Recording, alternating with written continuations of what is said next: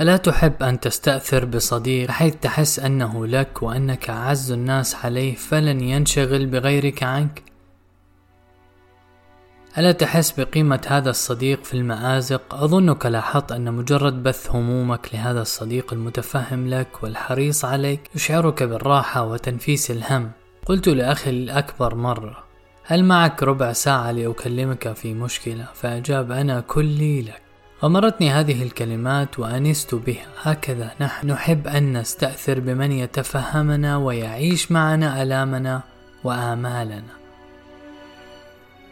مجرد وجوده مصدر طمأنينة لنا. فكيف إذا كان قادرا على حل مشكلاتنا؟ كم ستستقر نفوسنا حينئذ؟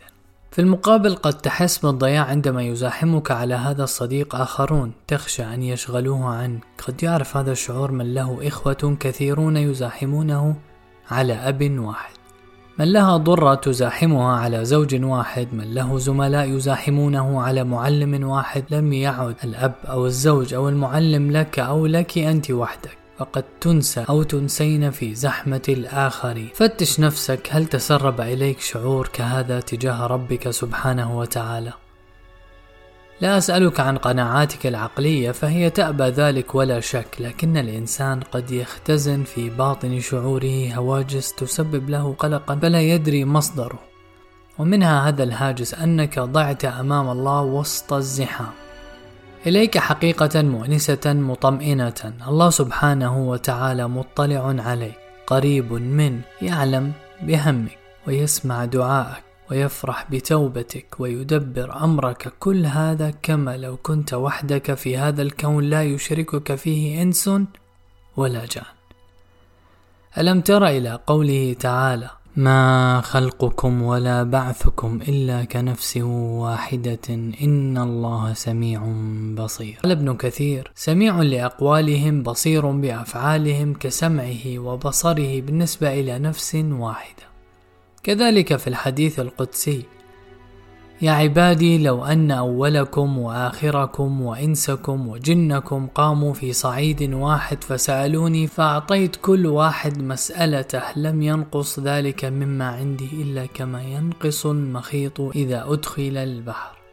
فسبحان من لا يشغله سائل عن سائل ولا مستغيث عن مستغيث. أعوذ بالله من الشيطان الرجيم. سواء منكم من أسر القول ومن جهر به ومن هو مستخف بالليل وسارب بالنهار فلا يضيع عنده أحد وسط الزحام. لن تضيع في الزحام بل لك أن تتصور كما لو أنك تدعو الله وحدك وأنه يسمعك وحدك.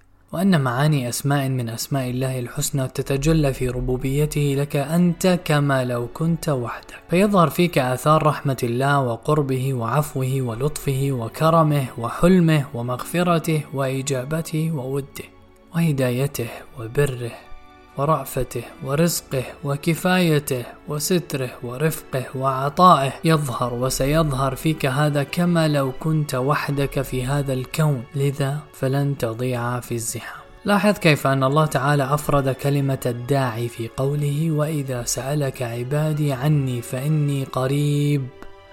أجيب دعوة الداعي إذا دعاني. ففي هذا الإفراد من الإشعار بالعناية بدعائك أنت ما قد لا يكون في الجمع. ليست استجابة مجملة عامة لمجموع الداعين بحيث تجزأ استجابتهم لأكثرهم عن الاستجابة لأفرادهم فردا فردا. بل يجيب دعوتك أنت كما لو كنت وحدك. ولو دعوه تعالى معك في اللحظة نفسها مليارات بل ما لا يحصى من الإنس والجن والملائكة. كذلك قوله تعالى أمن يجيب المضطر إذا دعاه.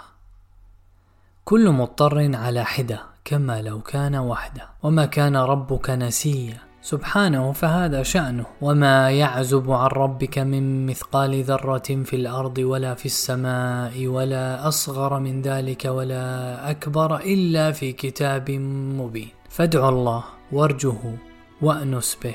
وتأمل في نفسك آثار أسمائه وصفاته واستحضر معيته كما لو كنت وحدك. وتذكر دوما لن تضيع وسط الزحام.